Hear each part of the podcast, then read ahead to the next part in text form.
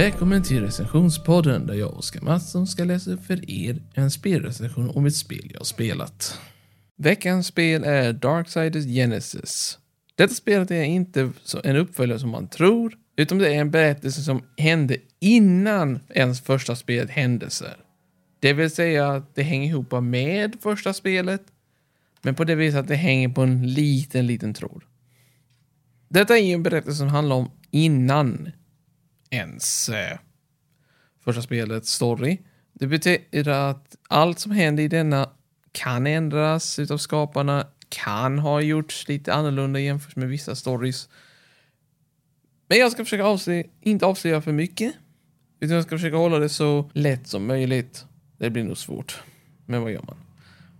Allt börjar med en tid efter att War, Death, Fury och Strife, ja, alla fyra, har besegrat sina egna bröder, eller sina folk, innan så att de fick återställa balansens rättvisesystem eftersom att eh, Nephilims är inte en del av balansen, de är skapade utanför balansen.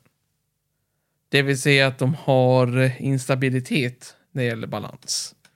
De eh, försöker mer eller mindre erövra, förstöra, raida. Tänk er vikingar! Mer eller mindre i förkortning. Med hjälp av The Shard Council, ett råd som skapades för att hålla balans i universum, fick de krafter och ledning för detta mål att stoppa det. Efter flera generationer höll sig balansen i perfekt samklang till en mystisk ryk tills ett mystiskt rykte började sprida sig. Detta ryktet handlade om att en mystisk armé höll på att samlas för att göra någon slags kaosvridet balansbrytande. Det vill säga att ja, Shard Council blir tvungna att kalla till sig de ryttare de kunde. I denna storyn så följer vi Strife. Det är första och enda gången vi följer Strife som huvudkaraktär, huvudsakligen. Men detta spelet är inte byggt på att det finns en karaktär, det finns kooperativt system, det vill säga gå och spela två spelare om man vill, det går att spela en spel om man vill. Men eh, tanken är att det är War och Strife som ska försöka stoppa en katastrofal armé från att försöka förstöra världen. Eller balansen av världen i alla fall. Det sägs, ryktet sprids med att det sägs att en armé håller på att samlas med stort, stort. Ryktet var att Lucifer, den dåvarande ledaren av demonerna och en mystisk armé, en mystisk grupp vi kallar som Mästarna, förbereder någon slags stor strid. Ingen vet vilka de är egentligen, och balansen är riktad mellan demonernas rike, helvetet, och änglariket, himlen. Ja, heaven. Himmelriket. Ni förstår vad jag menar. Darksiders Story 1 och 2 har ihopkopplingar med 2 och 3 eftersom att de händer samtidigt. Men Darksiders Genesis händer innan någon av dessa. Vilket gör det ganska unikt på detta viset. Spelet är i stil med Diablo, det vill säga top-down view med lite ja, en annorlunda ändring. Denna lilla ändring är att världen flyttar sig med kameran och du flyttar dig. När du flyttar dig flyttas kameran med dig och liknande. Du kan inte koppla loss kameran och flytta hur, den, hur du vill. Den kommer flytta sig automatiskt, vilket gör det jävligt jobbigt. Eller jävligt ska man inte säga, men i alla fall. Ni förstår vad jag menar. Det blir nog jobbigt. Ämne, ämnesmängd, ämnessyn Oj. Spelserien är uppifrån och är hugga och slå. Diablo som jag sa. Men eh, till skillnad från så finns det uppgraderingssystem, insamlingssystem, uppgraderingar som är gjorda på detta och liknande.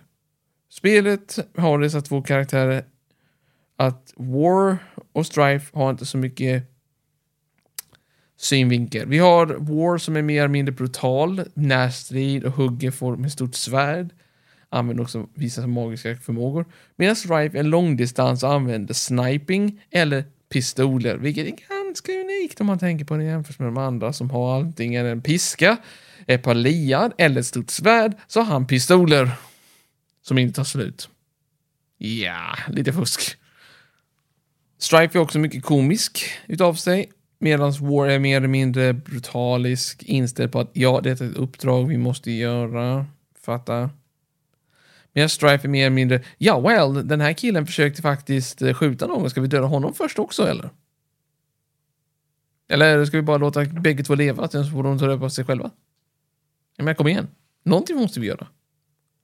Ni förstår alltså, komiskt. Inte 100% men... Detta spelet är lite bättre än föregångarna, tycker jag. Jag tycker eftersom detta så ger... Den fick mig att skratta mer än en gång. Vilket är komiskt, men antagligen därför att skämten är ganska med. Men det är det som är med som gör det roligt eftersom att det hänger ihop med världen och storyn, vad som händer. Mitt betyg för spelet är 8,5 av 10. Och eh, eftersom jag inte spelat ut hela spelet än, någon gång eftersom jag inte haft någon annan att spela med, jag har, och sen har man alltid haft andra tankar, så är därför jag sätter detta betyg så högt, är det därför att jag tyckte det var komiskt. Men eh, det blir lätt uttröttande eftersom att man måste upptäcka liksom att oj, jag måste hamna 200 av de här artefakterna, 100 av de där artefakterna och 50 av de där. Vad är de? Oj, jag missade 10 på en karta. Shit. Ni förstår vad jag menar, det blir långtråkigt plötsligt. Till skillnad från föregångna spelen som har använt THQ som skapade så är detta THQ Nordics första spel i denna serien. Efter omgjord uppdateringar utom de andra versionerna som jag kanske inte nämnt. Men eh, jag tänker i alla fall säga att detta spelet är ganska imponerande på det viset. Jag hoppas att de gör en uppföljare som verkligen heter nummer fyra. Detta är inte en uppföljare utan en sidostory. Och jag hoppas att de gör en fortsättning på storyn där vi får verkligen spela som Strife. Personligen, bara Strife. Men vad vet jag? Och ett annat spel som jag hoppas att de gör senare, de har lovat ut detta men som vi vet, lovande kan brytas.